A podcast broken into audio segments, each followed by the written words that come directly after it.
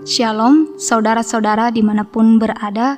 Kembali lagi kita berjumpa dengan kami dalam Renungan Harian Toraya, edisi Kamis 27 Agustus 2020. Bacaan firman Tuhan dari Efesus, pasal 5 ayat 1 sampai 21. Sebelum itu, mari kita satu di dalam doa.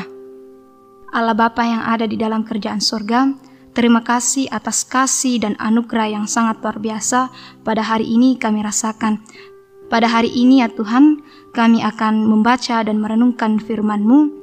Berkati kami dan kuasai kami dengan roh kudus-Mu, agar firman-Mu dapat kami pahami dan mengerti. Ya Tuhan, inilah doa anakmu melalui Yesus Kristus, itulah Tuhan dan Juru Selamat kami yang hidup. Amin. Efesus pasal 5 ayat 1 sampai 21 firman Tuhan berbunyi demikian. Hidup sebagai anak-anak terang.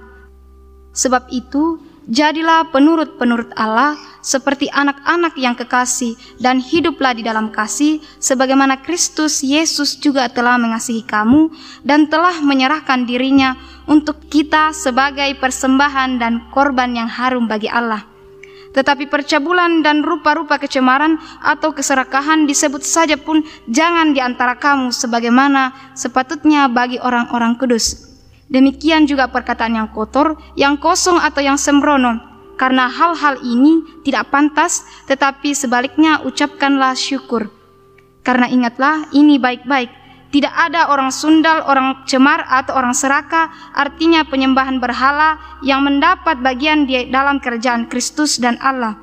Janganlah kamu disesatkan orang dengan kata-kata yang hampa, karena hal-hal yang demikian mendatangkan murka Allah atas orang-orang durhaka. Sebab itu, janganlah kamu berkawan dengan mereka. Memang dahulu kamu adalah kegelapan, tetapi sekarang kamu adalah terang di dalam Tuhan. Sebab itu, hiduplah sebagai anak-anak terang, karena terang hanya berbuahkan kebaikan dan keadilan dan kebenaran, dan ujilah apa yang berkenan kepada Tuhan. Janganlah turut mengambil bagian dalam perbuatan-perbuatan kegelapan yang tidak berbuahkan apa-apa, tetapi sebaliknya telanjangilah perbuatan-perbuatan itu. Sebab menyebutkan saja pun apa yang diperbuat oleh mereka di tempat-tempat yang tersembunyi telah memalukan tetapi segala sesuatu yang sudah ditelanjangi oleh terang itu menjadi nampak sebab semua yang nampak adalah terang. Itulah sebabnya dikatakan, bangunlah hai kamu yang tidur dan bangkitlah dari antara orang mati dan Kristus akan bercahaya atas kamu. Karena itu, perhatikanlah dengan saksama bagaimana kamu hidup, janganlah seperti orang bebal, tetapi seperti orang arif dan pergunakanlah waktu yang ada karena hari-hari ini adalah jahat. Sebab itu, janganlah kamu bodoh, tetapi usaha, usahakanlah supaya kamu mengerti kehendak Tuhan. Dan janganlah kamu mabuk oleh anggur, karena anggur menimbulkan hawa nafsu, tetapi hendaklah kamu penuh dengan roh dan berkata-katalah seorang kepada yang lain dalam mazmur, kidung pujian dan nyanyian rohani. Bernyanyilah dan bersoraklah bagi Tuhan dengan segenap hatimu. Ucap syukurlah senantiasa atas segala sesuatu dalam nama Tuhan Yesus Kristus kepada Allah dan Bapa kita dan rendahkanlah dirimu seorang kepada yang lain di dalam takut akan Kristus. Amin. Terang bukan kegelapan, arang tangnya kemelilinan.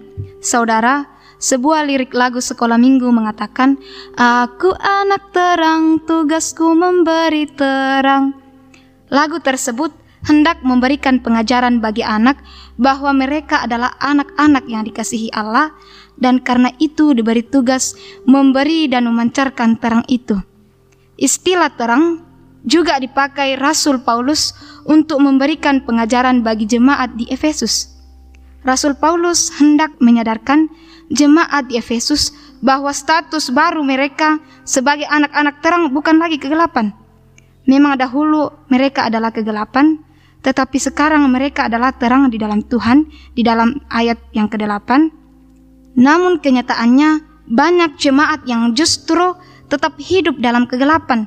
Mereka melakukan percabulan, kecemaran, keserakahan, perkataan kotor, penyembahan berhala, mabuk oleh anggur, dan lain-lain.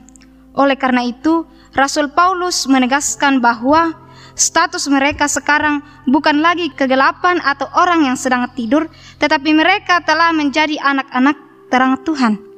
Paulus mau agar mereka meninggalkan kegelapan lalu hidup dalam terang Kristus di dalam ayat yang ke-14. Setelah mereka sadar akan status sebagai anak terang, maka tugas selanjutnya ialah memberi dan memancarkan terang itu. Kita telah termasuk orang yang percaya kepada Tuhan, tetapi yang menjadi persoalan adalah apakah kita sudah hidup sebagai anak-anak terang atau justru tetap hidup dalam kegelapan. Kita telah mengalami perubahan status dari kegelapan menjadi anak-anak terang.